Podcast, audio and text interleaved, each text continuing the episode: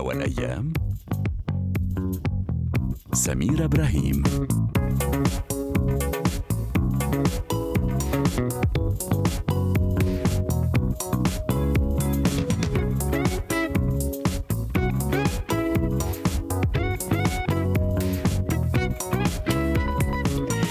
سالو سالو أهلا وسهلا بكم في برنامج هوا الأيام النهارده يوم الاثنين بداية آه بداية الأسبوع. كده يا مازن. يا خليل ازيك؟ عامل إيه؟ أخبارك إيه؟ يوم الاثنين بس آه، النهارده آه، بداية أسبوع مختلفة كلها طاقة وحيوية لأن الشمس طلعت. إن شاء الله حياتنا كلها تبقى مشمسة. في ناس دلوقتي بتقول لا لا لا إحنا عايزين مطر لأن زهقوا من الشمس. بس أنتوا عارفين في باريس دايما في غيام فما بتطلع الشمس بيبقى يوم عيد. أهلا وسهلا بكم في برنامج هوا الأيام. النهارده هنتكلم عن أشياء كتيرة قوي حلقة جديدة ومفيدة آه، وهنبدأ آه، بال social media وهنتكلم عن موضوع تابو. تابو تعرفوا ليه هنتكلم عن شراء المتابعين؟ آه آه ما تعملش نفسكم مش عارفين في ناس كتير بتشتري متابعين. أصلا يمكن ما عندهمش أصدقاء كتير ولكن اما الواحد بيشوف العدد عدد ال followers بيتخض بيقول إيه ده إمتى إزاي؟ هنقول لكم كل حاجة النهارده فاسمعوا كويس حلقة النهارده. بعد كده هنروح لموضوع آخر وهي فقرة التربيه وهنتكلم أيضا عن موضوع حساس موضوع تعليم اللغة العربية أو تعلم اللغة العربية لأطفال المغتربين وهتبقى معانا ميراندا بشاره وهي كاتبة وإحدى مؤسسات مبادرة حادي بادي للقراءة واتكلمنا عنها قبل كده. إيه رأيكم نسمع موسيقى ونسلم على عزيزة بن عيسى اللي هي كمان بتختار لنا الموسيقى اللطيفة اللي بنسمعها آه طول اليوم على مونte كارلو الدوليه أهلا بيك مازن خليل من جديد واهلا بيكي كاتيا سعد في إعداد الحلقة. كل شمس وليها ظل كل أزمة وليها حد ثابت مكانه مهما ضاقت قصاده حد مل. كل نهر في قلبه سد. حد ندل وحد سد. كل ضلمة فيها سكة كل نكتة فيها ضحكة برضه فيها جزء جد.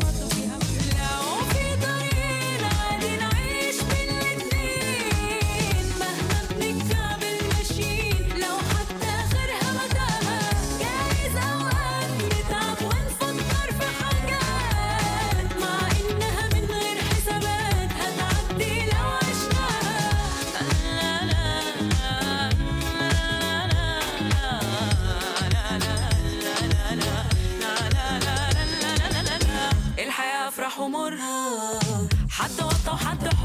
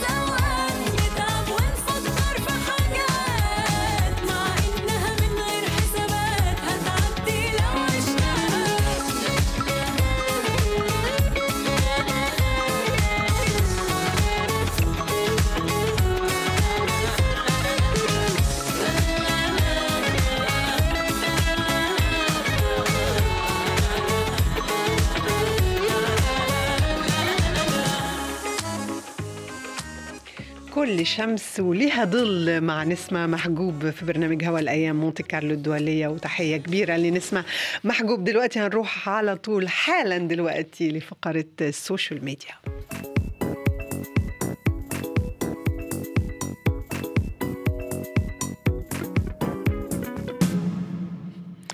وهنتكلم عن تابو زي ما قلت لكم الموضوع. يعني شوية مثير للجدل أو بعض الناس مش حابة تتكلم عنه كتير أو آه، يعني تحكي عن الحقيقة. كلنا بنروح على ال social media كلنا ساعات بنستغرب أمام صفحات أو آه، بروفايلات وأكونتات آه، بنقول إمتى إمتى إمتى عندهم أو بقى عندهم المتابعين دول يعني العدد الكبير ده.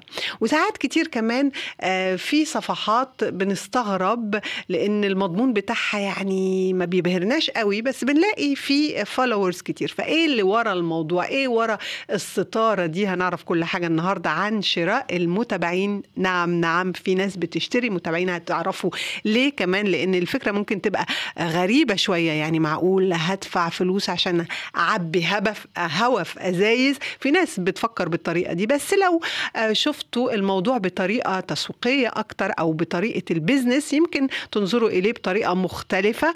وإحنا هنعرف كل حاجة عن شراء المتابعين النهارده. هل هي فكرة كويسة إيجابية ولا بلاش؟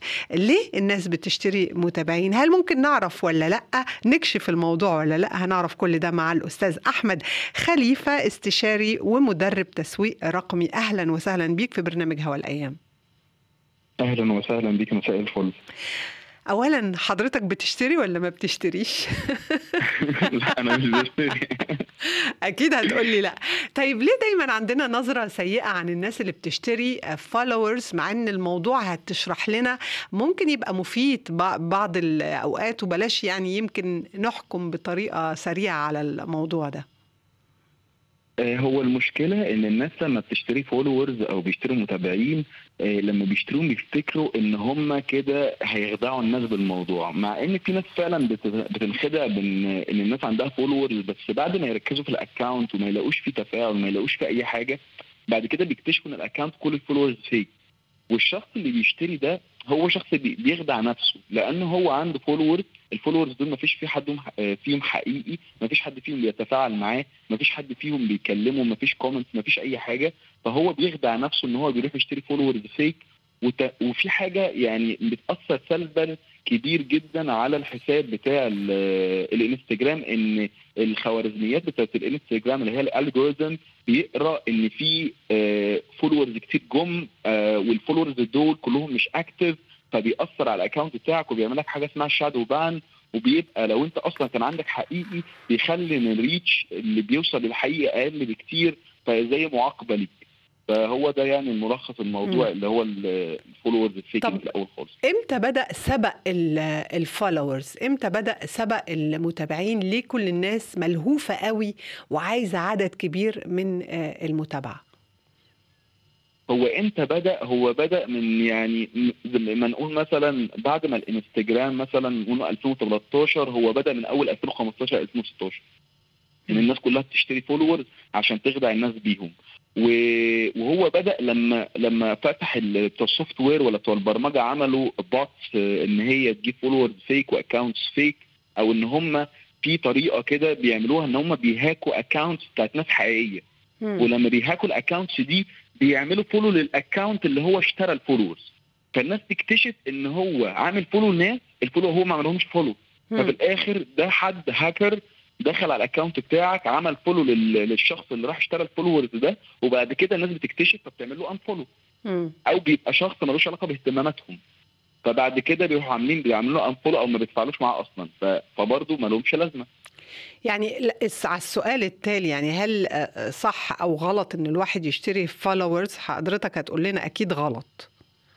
طيب. طبعا طبعا غلط طيب 100%. إزاي نفرق لأن كلنا متهيألي بيجي لنا رسائل آه آه، ال account بتاعك لطيف جدا ممكن إحنا ندعمك آه، آه، ونخلي ناس تتابع أو نخلي ناس تتفاعل معاك أكتر إمتى يعني إيه هو الفرق ما بين شراء المتابعين وال promotion اللي حتى انستغرام بتعرضها علينا واللي إحنا ممكن ندفع فلوس علشان يعملوا promotion على post معين آه، إحنا أصدرنا صورة أو موضوع معين اتكلمنا عنه ممكن برضو آه، نعمل له ترويج هو الفرق واضح اولا لما أنتوا بتشتروا followers أو الناس اللي بتشتري followers دي بيبقى بيجي لهم حاجة fake أو بيجي لهم حد مش مهتم باللي هم بينزلوه آه يعني ممكن يكون fake. يعني آه، مش حد حقيقي ورا ال account ده أو أصلاً. حد ملوش علاقة أصلا خالص بالمحتوى اللي أنت بت ال content اللي أنت. بتنزله.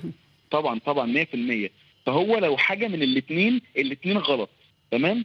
ولو هنقول إن في حد بيشترك في المسابقات بتاعه ال followers والسحب على آيفون مم. والكلام ده أكيد طبعا سمعت عن الكلام ده أو شفتيه طبعا آه. دي بيبقى برضه ليها نفس التأثير بتاع ال followers ال fake لأنك أنت اللي هيعمل لك follow ده هيعمل لك follow عشان حاجة واحدة عشان هو عايز يكسب الآيفون. آه. وبعد المسابقة هيعمل لك unfollow يا إما لو سابك مش هيتفاعل معاك لأنه مش مهتم بال- باللي أنت بتعمله. هو انت ليه إحنا بنشجع المحتوى ال organic أو المحتوى اللي هو الهادف اللي الناس بتستمر فيه وبتقدم كل حاجة جديدة عشان الناس اللي بتعملك follow بتعمل لك follow عشان هم معجبين بالمحت- بالمحتوى بتاعك. آه. فهم مقتنعين 100% هم بيعملوا follow ليه. لو هنيجي لل promotion بتاع الإنستجرام طبعا ال promotion بتاع الإنستجرام صح. يعني الناس اللي بترا... عايزة followers روحوا اعملوا promotion لنفسي أنا أنا بعمل آه، يعني بعمل coaching في الإنستجرام promotion وبتكلم عنه كتير وبعلم الناس إزاي تعمل في الإنستجرام promotion عشان دي طريقة صح إن أنت تجيب followers لو أنت عايز ال account بتاعك يبقى فيه followers أكتر وقت أقل. طيب وإزاي بتتم ال promotion دي؟ يعني معقول هدعم انستجرام هدفع لهم فلوس عشان يعملوا promotion بمعنى إن هو يعني كل الحاجات اللي أنا بنزلها ممكن يح يعني يحجبوها ما يوروهاش لأكبر عدد ممكن. فأنا لو دفعت وأعمل promotion معناها هيكبروا المساحة أو يوروا ال- ال- ال- المضمون بتاعي لأكبر عدد من الناس. يعني من البداية في business يعني هم آه، بيدوني انطباع إن أنا أي حاجة أنزلها ممكن الجميع أو كل الناس تشوفها الناس اللي بتتابعني أو حتى أفتح لنفسي فرصة إنه ناس تانية تتعرف عليا. وبكتشف من. من خلال قصة ال promotion إنه لأ هو عدد معين من الناس اللي ممكن تشوف ال- ال post ات اللي بنزلها. ولو عايزه أكبر النطاق ده لازم أدفع لهم فلوس. طيب أنا هقول لك على حاجة. هو دلوقتي لما الانستجرام طلع مثلا في 2013 في الأول خالص ما كانش فيه promotion ولا في أي. حاجة وكان ال organic reach عالي جدا صح؟ صحيح. فهم في الأول ما كانش بيدخل لهم دخل. ليه؟ الدخل اللي بيدخل لهم كان ممكن يدخل لهم مثلا من ال App Store ولا ال Play Store إن هم بيدون فلوس مثلا. مثلا. لكن ما كانش بيدخل لهم فلوس من ال application بتاعهم. ال application بتاعهم كان يعتبر الناس اللي بتنزل بيوصل لكل ال- ال post بتاعك ولا الفيديو بيوصل لكل الناس اللي عاملين لك follow. تمام؟ فوقت مع ألو... ف... آه، ما مثلا آه، هم عملوا كده بعد كده وقت بقى ما التاني بقوا بينزلوا ال reach أكتر وأكتر. يعني بقوا دلوقتي بي... آه، بعديها مثلا بسنة سنتين بقت ب 70% اللي بيشوف بعد كده 50% بعد كده 30% فهو كل وقت بينزلوه عشان انت تروح تدفع عشان تعمل إعلانات لنفسك. فانت مم. لما تعمل اعلانات ممكن كل ال followers اللي عندك هم اللي يشوف ساعتها. مش كله كمان على حسب برضو انت دافع كام في الاعلان وال target audience إيه وعلى حسب حاجات كتير. آه. بس فهو لازم لازم الناس اللي هتعمل اعلان لازم يشوفوا يحطوا ال audience ال target audience بتوعهم ال interest الاهتمامات الاهتمامات دي هم مهتمين بإيه؟ مهتمين بال fashion ولا بالفوتوغرافي ولا مهتمين بإيه؟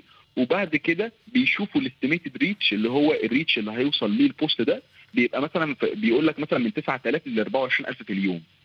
فأنت كده وسعت مساحة إن الناس تشوف post بتاعك بدل ما يشوفوا 1000 اللي عاملين لك follow ولا ولا هو طبعا اللي عامل لك فولو 1000 اللي بيشوفوا من 1000 دول 200 300 مم. فبدل ما 200 و300 اللي يشوفوه ممكن يشوفوا 24000 في اليوم. أوف. طب وبكام ده؟ ال 24000 دول؟ لا هو على حسب طبعا ال- الفلوس يعني مثلا إحنا قلنا ان أنا هعمل اعلان. يجي آه. لك من اول دولار لحد لحد مثلا قولي 500 دولار. تمام؟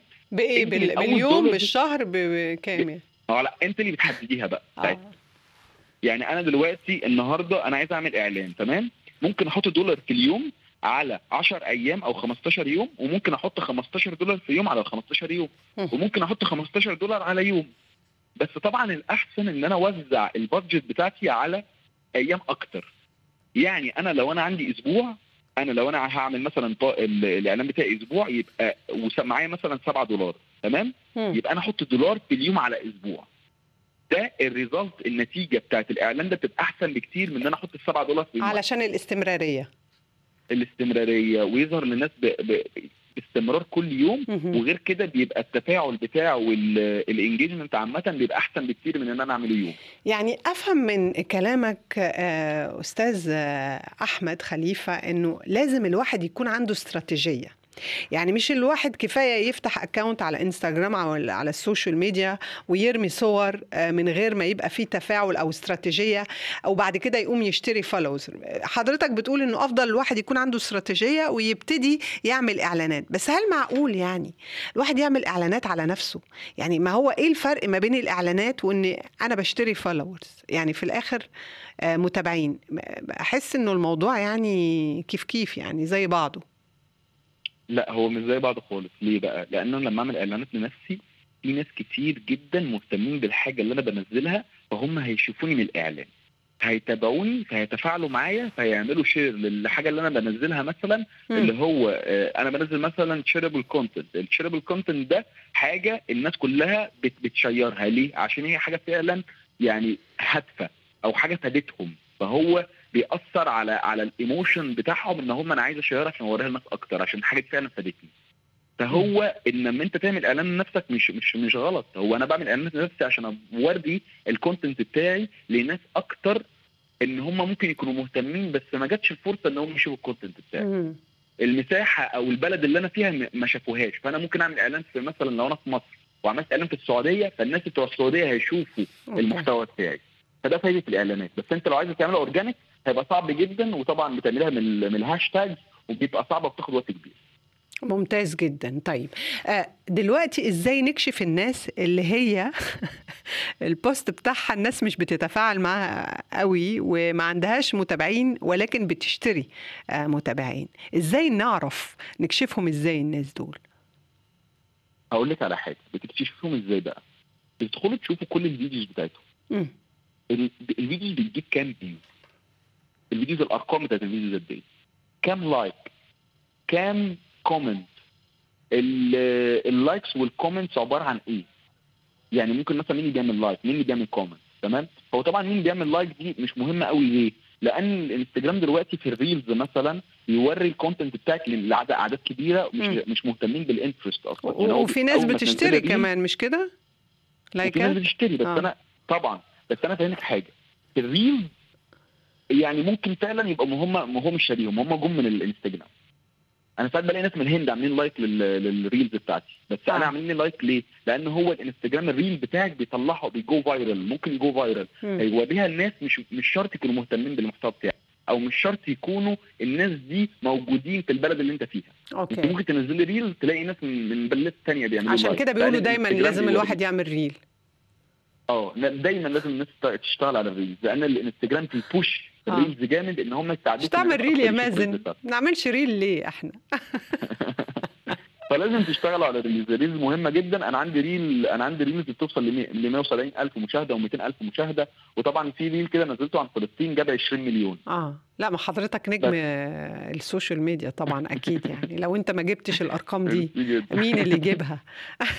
والله أقول لك على حاجة. في ناس عندها ملايين ما بتجيبوش الأرقام اللي ال account بتاعها بيجيبها. آه. ليه بقى؟ طب إزاي لأن أنا ما بقى ب- ما ما ما اعتمدش على ال fake followers في ناس عندها ملايين آه. نص اللي عندهم ولا أكتر أكتر الناس اللي عندهم fake. طب انت عندك ملايين. وال وال وال reach بتاع ال videos بتاعك بيجيب نفس ال reach بتاعي اللي أنا عندي 40000 مم. أنا عندي مثلا 40000 متابعين على الانستجرام.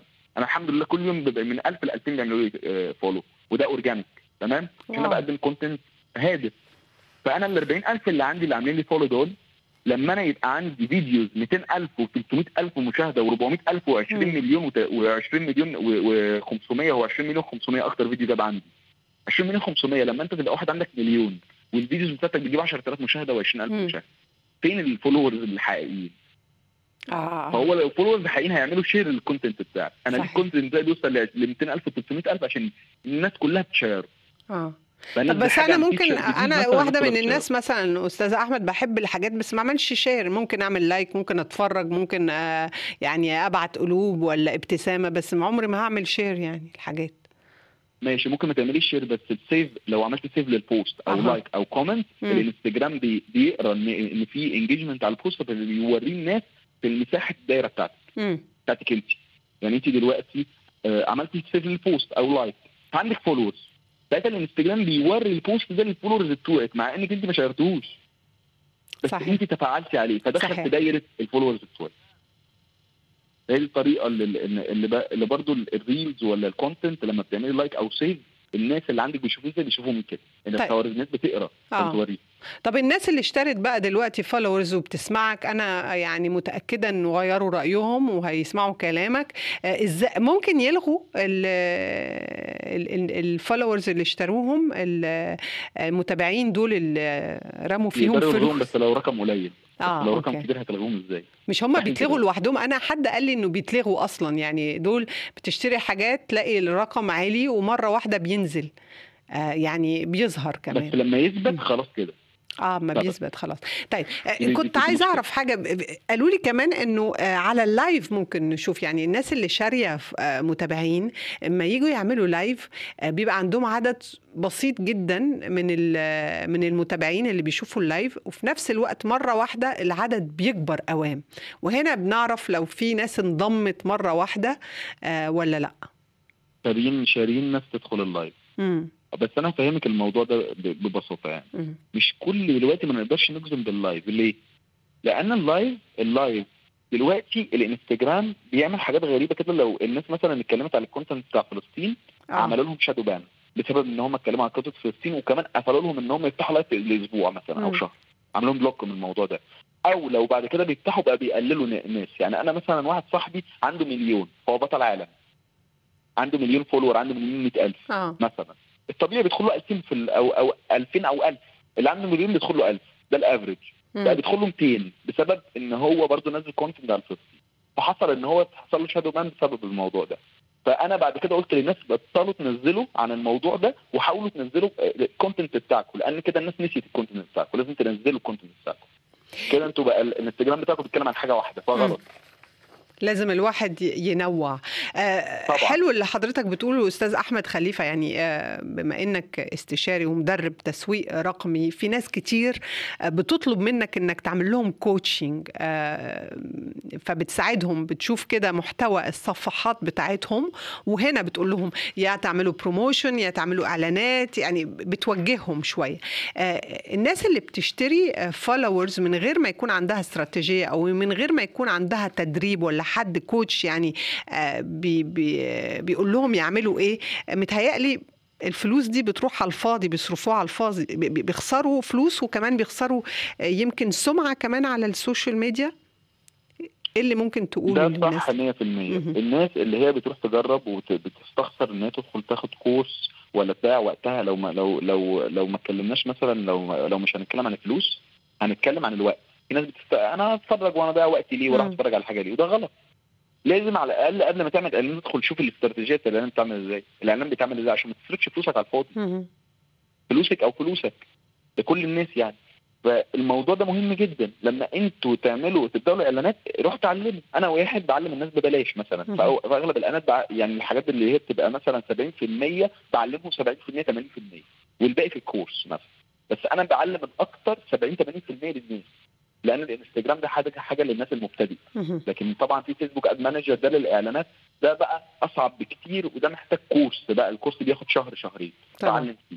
عشان في مثلا 10 10 option ال 10 option دول كل واحد فيهم بيتكلم عن حاجة فلازم تاخد كورس كل واحد بيعمل إيه. ولازم تاخد كورس في الفيسبوك بيكسل بيعمل إيه. فالموضوع بتاع الفيسبوك ده هو ده للمحترفين. لكن الانستجرام سهل فبعلمه للناس.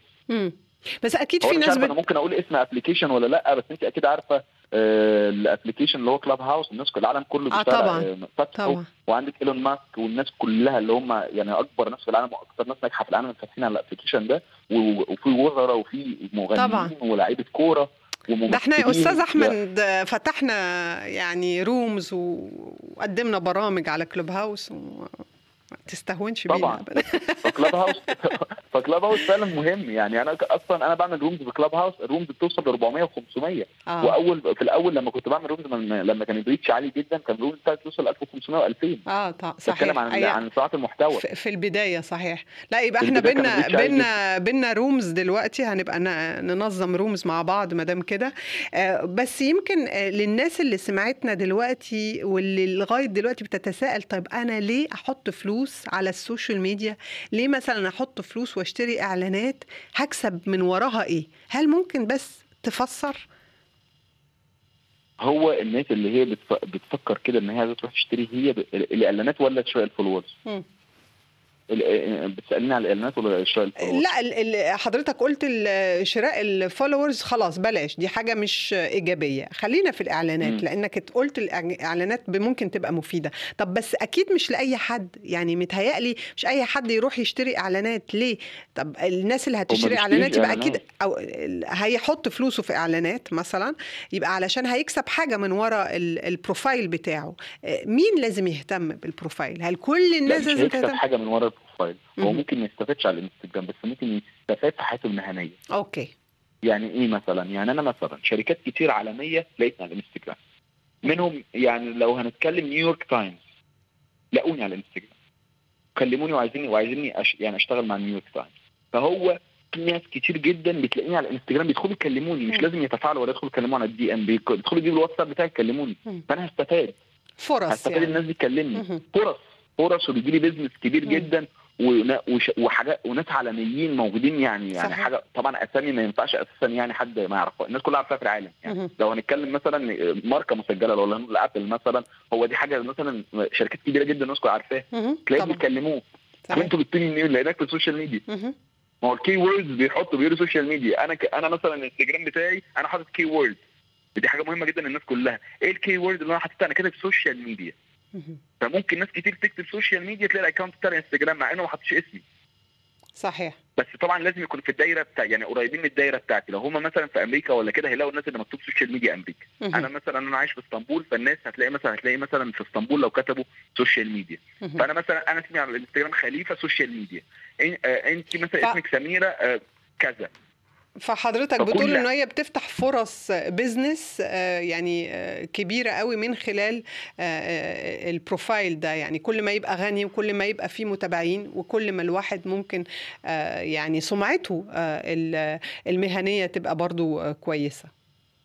طبعا طبعا. طبعا. فزي ما بقول لازم الناس تستخدم keywords يحطوها في ال profile بتاعهم يكون الناس تلاقيها منهم لأن دي عاملة زي ال search engine كده. لو أستاذ لو هنتكلم عن ال SEO أستاذ أحمد خليفة يعني أنا بشكرك لإنك نورتنا وساعدتنا وإحنا يعني ما بينا هيبقى في حديث آخر يمكن كمان عن تصديق ال الصفحات. ناس كتير بتجري العم- العلامة الزرقاء دي. هتبقى يمكن تشرح لنا ليه وإزاي. آه، ممكن الناس يصدقوا الأكونتات بتاعتهم. أنا بشكرك آه، كتير أحمد خليفة حضرتك استشاري ومدرب تسويق رقمي وبنقول لك إلى اللقاء في برنامج هوا الايام شكرا شكرا ميرسي جدا. كنت مبسوط جدا معاك واحنا شكراً. اكتر ميرسي جدا مع السلامه C'est pas donné à tous les humains de pardonner les mauvais chemins, même de rien. C'est pas donné à tous ceux qui s'aiment de ranger les erreurs qui traînent, même à peine. Moi j'ai pu me tromper de route, on a pu se tromper sans doute. Tout ça c'est vieux, c'était pas nos deux. Évidemment, on pleure un peu pour mieux s'aimer. Être à deux c'est pas donné.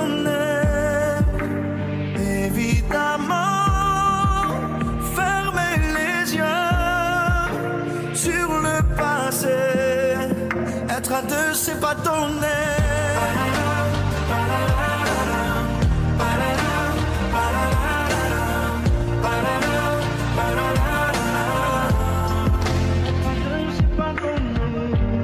C'est pas donné de tenir longtemps, mais tu m'as donné du sourire souvent, infiniment. C'est pas donné de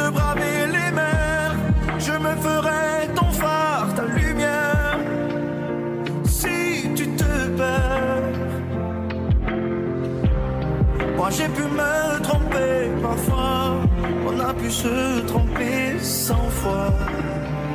Tout ça c'est vieux, c'était pas nos deux. Évidemment, on pleure un peu pour mieux s'aimer. Être à deux, c'est pas donné.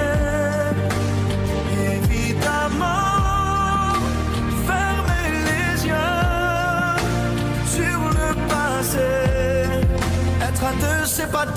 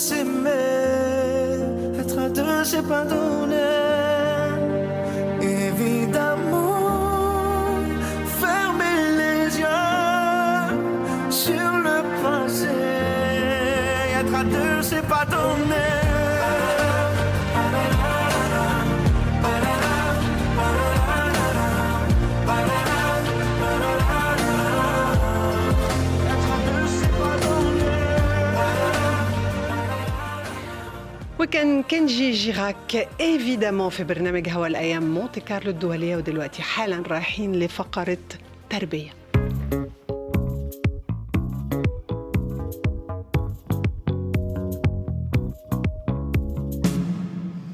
وفي فقرة تربية. هنتكلم عن موضوع مهم جدا جدا آه، تعلم اللغة العربية في ال- البلاد اللي ما هياش عربية. أهلا في المهجر نقول. في المهجر. أو المهجر. أهلا وسهلا بيكي ميراندا بشاره آه، كاتبة وإحدى مؤسسات مبادرة حادي بادي للقراءة. وإحنا اتكلمنا عنها هنا في برنامج هوا الأيام ولكن كنت معانا عبر الهاتف. أنا مظبوط. سعيدة جدا النهارده لأنك نورتينا بحق وحقيقي هنا في استوديوهات مونتي كارلو الدولية. أنا أسعد. أنا مبسوطة جدا إن أنا معاكم النهارده. شكرا لا أنا سميرة. أكتر. إزيك؟ ميراندا ميراندا اولا يعني آه، سعيدة بحضورك بس أنا حسيت إنك جيتي معاكي مكتبة. ف يعني مش كل المكتبة جزء من المكتبة. حاولت إن أنا يعني إيه أنوع وأشكل في كلامنا النهارده ونشوف يعني اوريكم شوية حاجات. كتب كتب جميلة جدا ألوان حلوة بنحس بروح الطفولة فيها. ودي حاجة جميلة لأن النهارده هنتكلم عن اللغة العربية دي المنسية. هنقول في المهجر ولكن حتى في البلاد العربية متهيألي بعض البلاد في ناس كتير آه، أو أولاد كتير بقوا يتكلموا آه، بسهولة بطلاقة أكتر لغات أجنبية أكتر مظبوط. من لغتهم الأم آه، اللغة العربية. إزاي ممكن يعني نفسر الواقع ده؟ هو الواقع ببساطة شديدة إنه الناس تعليم اللغة الأجنبية بتبقى فيها عنصر المتعة أو ال- آه، أو اللعب آم، يعني في طريقة طرق تدريس اللغة العربية للأسف لغاية دلوقتي شوية طرق تقليدية أو قديمة. فالولد لما أو البنت في المدرسة بيجي آه، يشو يتعرض للغة العربية بيبقى آه، لغة بالنسبة له كمان مش بيتعامل بيها في حياته اليومية حتى لو, لو لغة مثلا فصحى طبعا الفصحى مهمة جدا.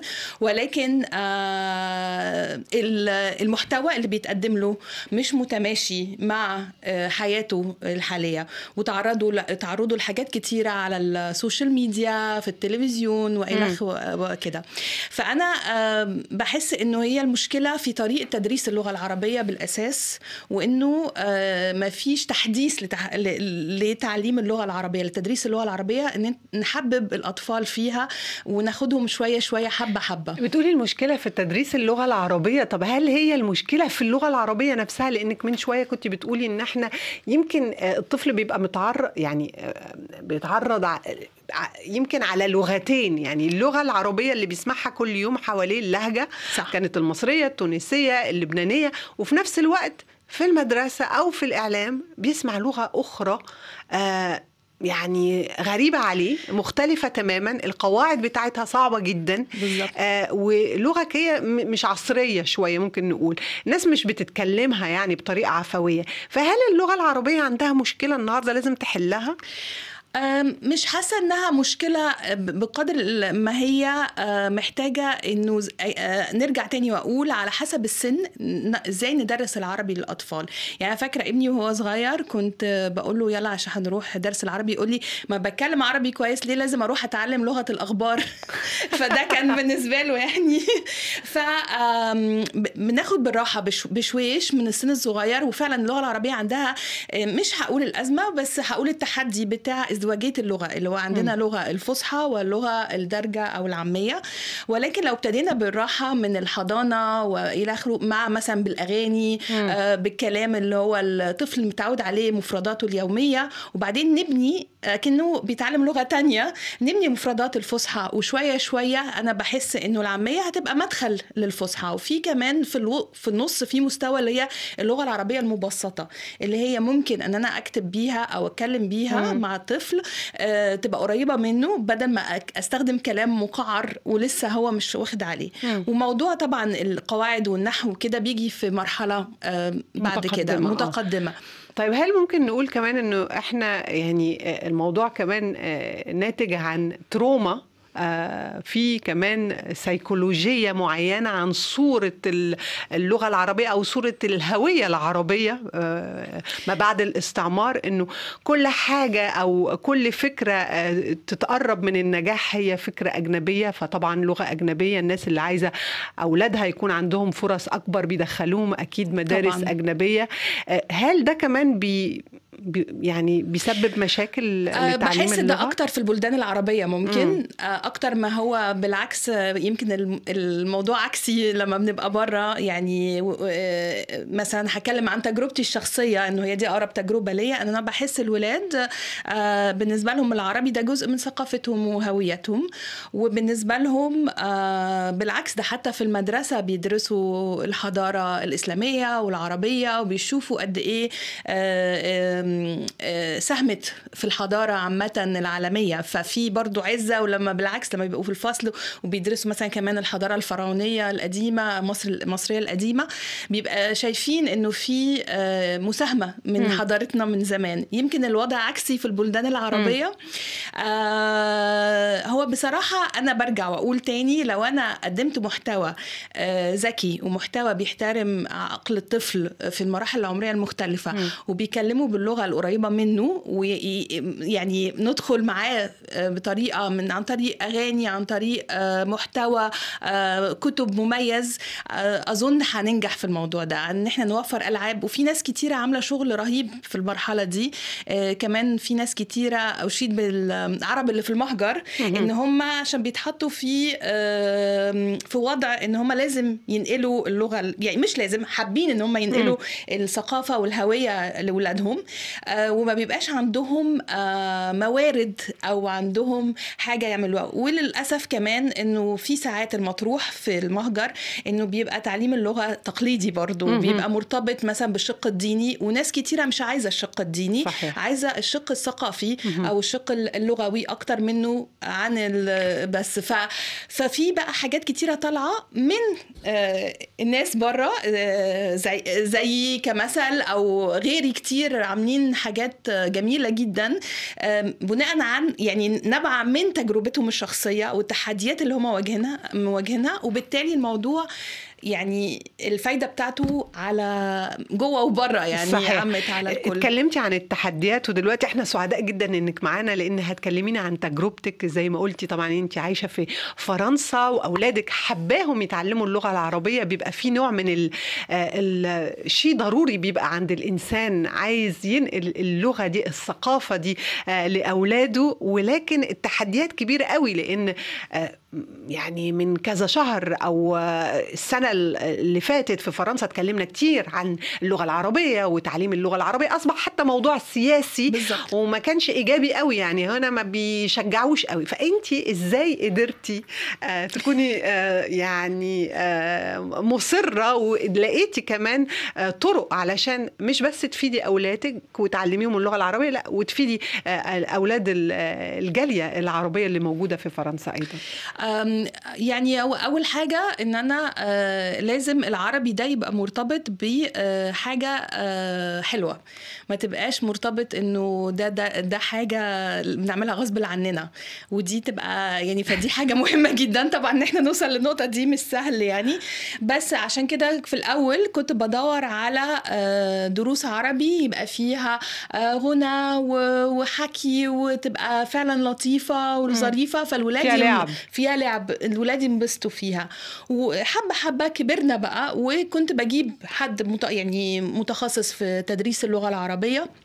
أنا مش مدرسة لغة عربية فبس عشان أقول أنا مش متخصصة في تدريس اللغة ولكن أنا أكتر آه، ميسرة أنشطة بالعربي. يعني أقول إن أنا ممكن أحكي حكاية ممكن آه، نلعب نغني مع بعض ولكن أنا مش بدرس طبعا تدريس اللغة دي ليها ناسها طبعاً. يعني آه، فلما وصلوا لمرحلة إن هم ابتديت أدخل موضوع دراسة العربي لما هم ابتدوا يقروا بالفرنساوي. هم. لازم يستريحوا يعني يفكوا شفرة القراية في اللغة اللي هم مرتاحين فيها اللي هي اللغة بتاعة البيئة بتاعتهم اللي هم كبرانين فيها. ف once إن هم فكوا شفرة القراية بتاعة الفرنساوي دخلنا العربي إن إحنا نبتدي نقرأ بالعربي. آه okay. قبل كده كان بس الموضوع بتحكي حكايات بتغني أغاني بتتكلمي معاهم بس مش تدريس. مش أوكي. تدريس. هو مجرد بناء مفردات آه بناء آه وقت إن إحنا بنتكلم طول الوقت بالعربي في البيت فهم سامعين حتى لو بيردوا عليا بالفرنسي إح- بنتكلم- فاهمين. فاهمين. آه يبقى في وقت مخصص لقصة قبل النوم أو آه يبقى في دايما آه متوفر زي ما انت شايفة كده كتب لذيذة محتواها حلو. حتى لو ساعات مثلا في شخصيات في كتب بالفرنساوي مثلا اترجمت للعربي زي تشوبي وغيره هتلاقي فمثلا أجيب لهم إيه ده شفتوا؟ ده في تشوبي بالعربي إيه رأيكم نقراه نشوف بيعمل إيه؟ فحاجات هم عارفينها. بالفرنساوي نقدمها بالعربي كمان. فشوية شوية بنوا مفردات ولما بقوا جاهزين إن هم يقروا ويكتبوا آه، هنا دخلنا ال- القراية والكتابة. إنه قبل كده بيبقى بيبقى صعب إن هم لسه ك- كأطفال ما فكوش شف... هي آه، فعلا بيركزوا على شفرة لغة. شفرة ال- القراءة دي يعني مهمة إن هم يفكوا الشفرة. وانس إن هم فكوا الشفرة ممكن يتعلموا أي لغة. مهم. فهي دي بس اللحظة. فوقتها بقى جبت حد متخصص كان بيجي البيت آه، آه، يدرسهم عربي. أنا معجبة جدا بطريقتك آه، العفوية وفي نفس الوقت يعني بنحس إنك قمتي بسيناريوهات كتير قوي عشان آه في تشوبي بالعربي كمان يعني ان في آه، آه، عشت الدور معاهم. بس في نفس الوقت آه، الناس اللي عايشة في المهجر اللي بتتكلم عن اللغة العربية وإزاي تعلم اللغة العربية لأولادهم ومش لاقيين وزي من شوية كنت بتقولي بيفرقوا ما بين الجانب ال- الثقافي والديني وعايزين يلاقوا حد ملائم لاولادهم مش لاقيين بيبقى في ضغط كبير قوي على الأهل وخايفين قوي إنه الأولاد تكبر وللأسف ما يتعلموش أو ما ينطقوش اللغة العربية وفي منهم كتير حاولوا وعملوا جهد كبير قوي طبعاً. ودخلوهم مدارس وللأسف فشلوا. تقولي لهم إيه الناس دي؟ هل في آه وقت من الأوقات نقول ممكن نقول إحنا فشلنا الأولاد دول عمرهم ما هيتعلموا عربي ولا لأ؟ الموضوع ده طول ما إحنا عايشين ممكن نتعلم. لأ ما بتهيأليش انه في هو طبعا بيبقى ساعات الموضوع محبط لكتير من الأهالي ولكن لو إحنا غرزنا شوية زي ما قلت آه، إنه ده جزء من آه، البيت وجزء من كلامنا وجزء من كل حاجة. في أعرف آه، قصص كتيرة الأولاد لما كبروا قرروا إن هم ياخدوا مثلا سنة أو سمستر ويروحوا يدرسوا عربي. بس عندهم هم عارفين بيعرفوا يتكلموا بس ما يعرفوش يقروا ويكتبوا. فبيروحوا بقى وبيعملوا مثلا في دولة عربية ما وبيدرسوا عربي بس بيبقى فيه البذرة موجودة اتزرعت. وفي الآخر هو بتختلف من شخص للتاني. فبرضو آه، لو حد مهتم إن هو يقرأ أدب عربي بس مش قادر يقراه بالعربي يقراه بالفرنساوي يقراه بالإنجليزي. يعني هو الفكرة اللغة اللي هو مرتاح بيها إن هو يقرأ بيها أنا بشجع إنه الناس لو هي ما, تحسش إن ال- اللغة هي عائق يعني. إن هو تبقى مفتاح أو باب للثقافة. كنت هقول حاجة كمان على موضوع التدريس إنه في دلوقتي طرق مبتكرة يعني في مدرسة آه، هي مش في فرنسا هي طلعت في كامبريدج آه، عاملة طريقة مبتكرة للتدريس العربي باستخدام ال phonics أو يعني الأصوات. آه، اسمها كلامنا وحاليا ابني بيعمل معاهم classes ويعني عمل طفرة معاهم أكتر من مثلا خمس سنين فاتوا هو wow. بياخد فيها دروس وهي عن طريق الإنترنت عن يعني طريق فيديو؟ الإنترنت. أونلاين في حاجات بقى كتيرة مختلفة بس أنا بتكلم عن تجربة برضو تاني وأنا من كتر ما عجبتني الطريقة بعمل معاهم دلوقتي formation عشان نقدم الكلاسز دي السنة الجاية إن شاء الله يعني أنت بتتدربي معاهم دلوقتي وأنت السنة الجاية أيوه أنا قلت بما إن أنا. داخلة في الموضوع. كده كده حلو قوي وطبعا أنت جيت لنا بكتب كتير آه، قدامك آه، ميراندا آه، متهيألي لأعمار مختلفة مظبوط. آه، هل ممكن الأهل لو مش لاقيين مدرس معين يعني علشان التدريس ممكن هم ياخدوا الكتب ويحاولوا مع أولادهم ولا؟ آه طبعا. هو في في حاجات كتيرة وفي آه على الإنترنت آه أوراق أنشطة كتيرة لأحرف ل- لكلام لو عايزين نتدرب. في حاجات كتيرة وطبعا في هنا في باريس آه معهد العالم العربي المكتبة عندهم آه قسم خاص بالأطفال صحيح. وعندهم موارد كتيرة آه وفي كذا كذا site يعني دلوقتي بيقدم يعني يمكن من عشر سنين فاتوا ما كانش في الطفرة دي يعني صحيح. بس في فعلا موارد كتيرة وفي زي مثلا حادي بادي بنقدم زي توصيات لكتب لاعمار مختلفة وفي في ناس كتيرة بتعمل ده. يعني مثلا حواري حواريكي الكتاب ده اسمه أي حرف أكل الوحش أنا بحبه جدا إن هو مضحك وظريف عن الحروف. حلوة. فانه هنا آه، بتقل يعني ومعاه هنا كشاف. الله. فعشان نكتشف الح... الوحش أكل اني حرف؟ ده جميل جدا. مثلاً. كويس. مش عارفة لو باين ولا لأ. مش باين. آه. ها ها وهكذا. يعني في حاجات قوي. آه، ظريفة ده للسن الصغير عن الحروف. في قصص بقى من واقع ال- حياة الأطفال. يعني مثلا دول سلسلتين آه، لسن مثلا أقول ستة سبعة عن ولد اسمه فيزو. آه، في ليه مغامرات. فبي مثلا ده فيزو هو بيكسف فدخل جوه الدولاب. كده. في مثلا فرحانة دي مجموعة تانية عن بنت بطلتها فرحانة. بتحب تلعب كورة شقية. آه، شعرها يعني مثلا دي مع بنتي عشان شعرها curly. إنه هي طبعا في القصص العادية ما كانتش شايفة نفسها مهم جدا إن الطفل يلاقي نفسه في صحيح. في الكتب كمان صحيح. ففرحانة مثلا كانت آه، success جامد جدا مع بنتي فرح اسمها كمان فرح كمان حلو قوي فرحانة فرح ف... ففي ده وفيزو فكرني ب Martine يعني أيوة. فيزو في الدولاب Martine على بلاج Martine في الدولاب. برضو قصة فرنسية في في في كذا حاجة في حاجات مختلفة. أكتر مثلا بقى أحلام الحيوانات الحيوانات المختلفه بت بتحلم بإيه؟ فين الكتب دي؟ وقت ما إحنا كنا بنتعلم عربي ما كانش في أيوة، الحاجات شوفي. دي كان في الحاجات المملة اللي إيه مليانة غبار. وللسن الأكبر شوية في حاجات تراثية لو عايزين آه. ندخل في عالم آه، ألف ليلة وليلة مثلا ليالي شهر زيزي بس هي معالجة حديثة لألف ليلة وليلة آه، عن بتنقل ما بين الواقع يعني الواقع والخيال. آه، في كتاب برضو عن مثلا ممكن نسافر نتعلم عن دمشق إزاي. ابتدت آه، بطريقة الفسيفساء آه، والرسومات والخرايط. لو عايزين bande dessinée وكوميكس في آه، في حاجات الجزيرة إيه؟ الم- المجهولة. المجهولة آه. في حاجات تلوين. عن مثلا يحيى أبو الفصاد. يعني دي من الأغاني طبعا الشهيرة صحيح. اللي بنغنيها في أعياد الميلاد. جميلة جدا ال- ال- القصص دي ولكل الأعمار. أنا بس كنت عايزة أسألك كمان آه، للغات الأجنبية مثلا الإنجليزي ما بنبقى عايشين في فرنسا برضو تعليم اللغة الإنجليزية ما هوش سهل ها خلينا نقول صح. الحقيقة حتى آه، حتى في فرنسا آه، ولكن في حاجات زي السمر كامبس في حاجات كتيرة قوي ممكن زي السفريات اللي الأطفال ممكن يعملوها صح. الأجازات أو ال- آه، الفترات دي في العطلة آه، الصيفية ممكن يروحوا في إنجلترا أو في الولايات المتحدة يعني في بلد بينطقوا فيها اللغة الإنجليزية ويتعلموا الإنجليزي هل ده ممكن نلاقيه برضو في البلاد العربية في بعض البلاد العربية. لسه مش متاح. هو في في كامبس بتتقدم بس آه، بتهيألي لسه ما فيش آه، إعلان عنها. مثلا هي أكتر للبلدان العربيه يعني في في كذا آه، بس ما فيش أظن. بس دي فكرة حلوة ممكن فكرة نفكر فيها. جميلة أيوة. يا ميراندا. يلا لو سمحتي. ممكن نفكر. حلوة.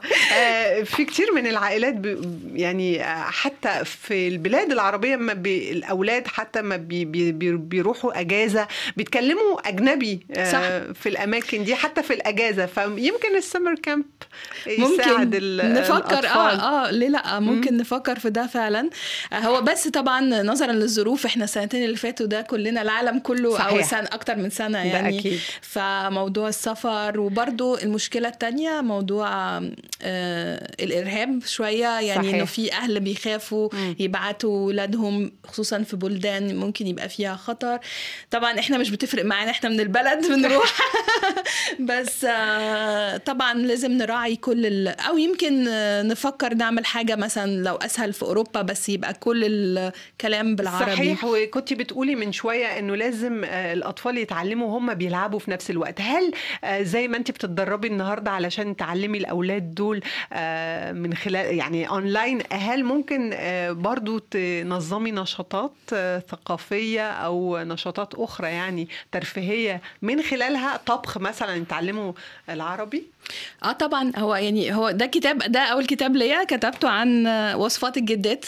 آه ودي نسختك على فكره جدا وفي اهداء كمان وفيها اهداء آه, آه بالع... بالظبط هو ده. إن إحنا آه نتعلم العربي أو نتعلم اللغة بطريقة غير مباشرة بطريقة فيها مثلا زيارة لمكان أو عن طريق بالظبط نشاط. آه فنتمنى ذلك يعني خلال المرحلة الجاية. لو نقدر نعمل ده يبقى هايل طبعا. مستنيينك ميراندا أنا بس. عايزه اوريكي كنت عايزه أوريكي. كمان ده دار نشر في فرنسية بتطلع كتب آم، مزدوجه bilingue. بالعربي والفرنساوي مع بعض. آم، آه. فاسمها Le Port a jauni أو دار الميناء الأصفر ده أكيد يساعد فلو. حد بالظبط فيقرا بالاثنين بالعربي وال- والفرنسي بس وهذا ميرسي جدا ميراندا بشارة بجد يعني حضورك أسعدنا هنا في استوديوهات مونتي كارلو الدولية شكرا لكل مستمعي مونتي كارلو. الدولية. ولبرنامج هوا الأيام شكرا ليك مازن خليل شكرا لكاتيا سعد وشكرا ليكم كلكم موعدنا بكرة الساعة 4 بتوقيت باريس باي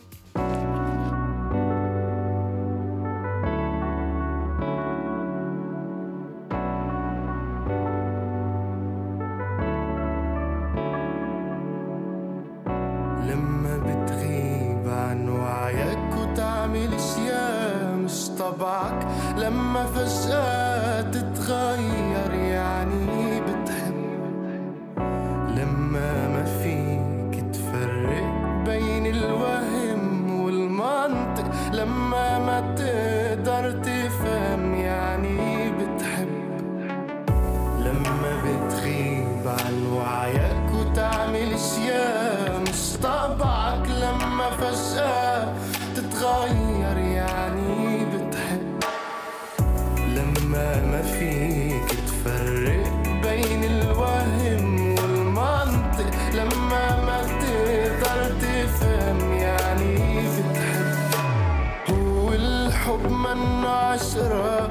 بيخلق بعد فترة.